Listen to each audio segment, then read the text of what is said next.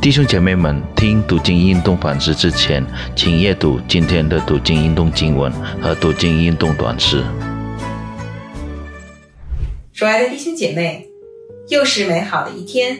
在我们开始今天的读经运动之前，让我们共同来祷告。慈爱的天父啊，感谢你赐给我们这样一个美好的时光，使我们能够再次来到你面前，聆听你的话语。恳求你点亮我们属灵的眼睛，使我们能够明白今天你使用你的话语向我们发出的启示和亮光。以上的祷告是奉靠主耶稣基督得胜的名，阿门。我们今天读经的内容是《民数记》的第一章。上帝曾应许亚伯拉罕，他的后裔要做上帝的子民。并且得着迦南地为应许之地，那么民数记的主题呢，就是这个应许的逐步成就。我们要看的民数记第一章，就是以色列人在进入迦南美地之前所做的准备，其中第一项活动就是人口的普查。第一章的一到五十四节，我们分两个部分来共同阅读。第一部分是第一章的第一节到第四十六节，由于章节比较长，我就不再为大家一一来阅读。那么这一部分呢，有三个关键词，我们一起来看。首先，第一个关键词是男丁，被数点的人必须是以色列人中的男丁，不是儿童，不是妇女，而是男丁。男丁也就是儿子。儿子是承受产业的后嗣，凡是被预定承受产业的人，都要预备迎接各种征战。我们作为重生得救的信徒，和基督同为后嗣，因此都应当成为耶和华的军队。好，第二个关键词呢是二十岁以外。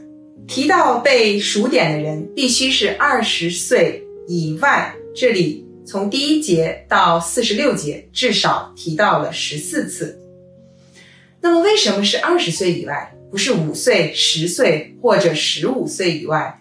为什么是二十岁以外呢？因为二十岁表明生命基本已经成熟了，只有生命成长的人才能够被编入耶和华的军队。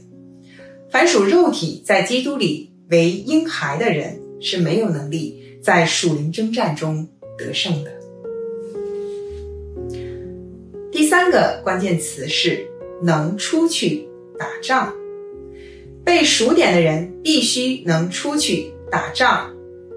一到四十六节当中，至少也提到了十四次，一个在属灵征战中能出去打仗的人。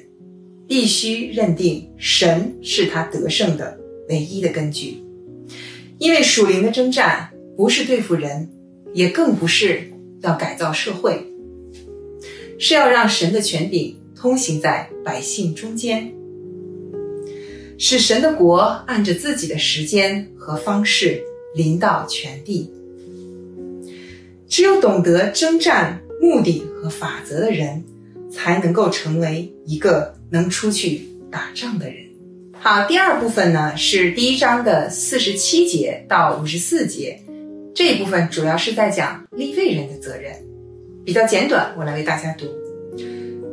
立位人却没有按着支派数在其中，因为耶和华小谕摩西说：“唯独立位支派，你不可数点。”也不可在以色列人中计算他们的总数，只要派立位人管法柜的账目和其中的器具，并属乎账目的，他们要抬账目和其中的器具，并要办理账目的事。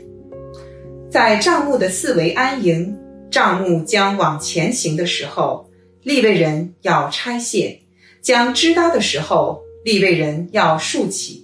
近前来的外人必被致死。以色列人支搭帐篷，要照他们的军队各归本营，各归本道。但立位人要在法柜帐幕的四围安营，免得愤怒临到以色列会众。立位人并要谨守法柜的帐幕，以色列人就这样行。凡耶和华所吩咐摩西的，他们就照样行了。在这一部分经文当中呢，立位人并没有被数点，那是不是说他们不重要？并不是，神没有数点立位人，是因为神让他们承担更重要的责任。谨守会幕的服饰和见证，维持百姓与神的交通，在属灵的征战中，其实里面的谨守要比外面的征战更为重要。因为神百姓的征战得胜，不是在于他们自己的才能，而在乎神的全能。他们与神的关系对了，就能得胜；反之，与神的关系不对。就必定会失败。以色列人完全顺服了神的安排，在立位人的特殊安排上，他们照样行了，这就成为他们将来得胜、进入迦南美地的根据。在我们今天神的教会中，也需要更多的立位人安营在帐幕的周围，用他们尊神为大的见证，不住的提醒我们。在一切事上尊神为大。好，最后让我们来共同祷告。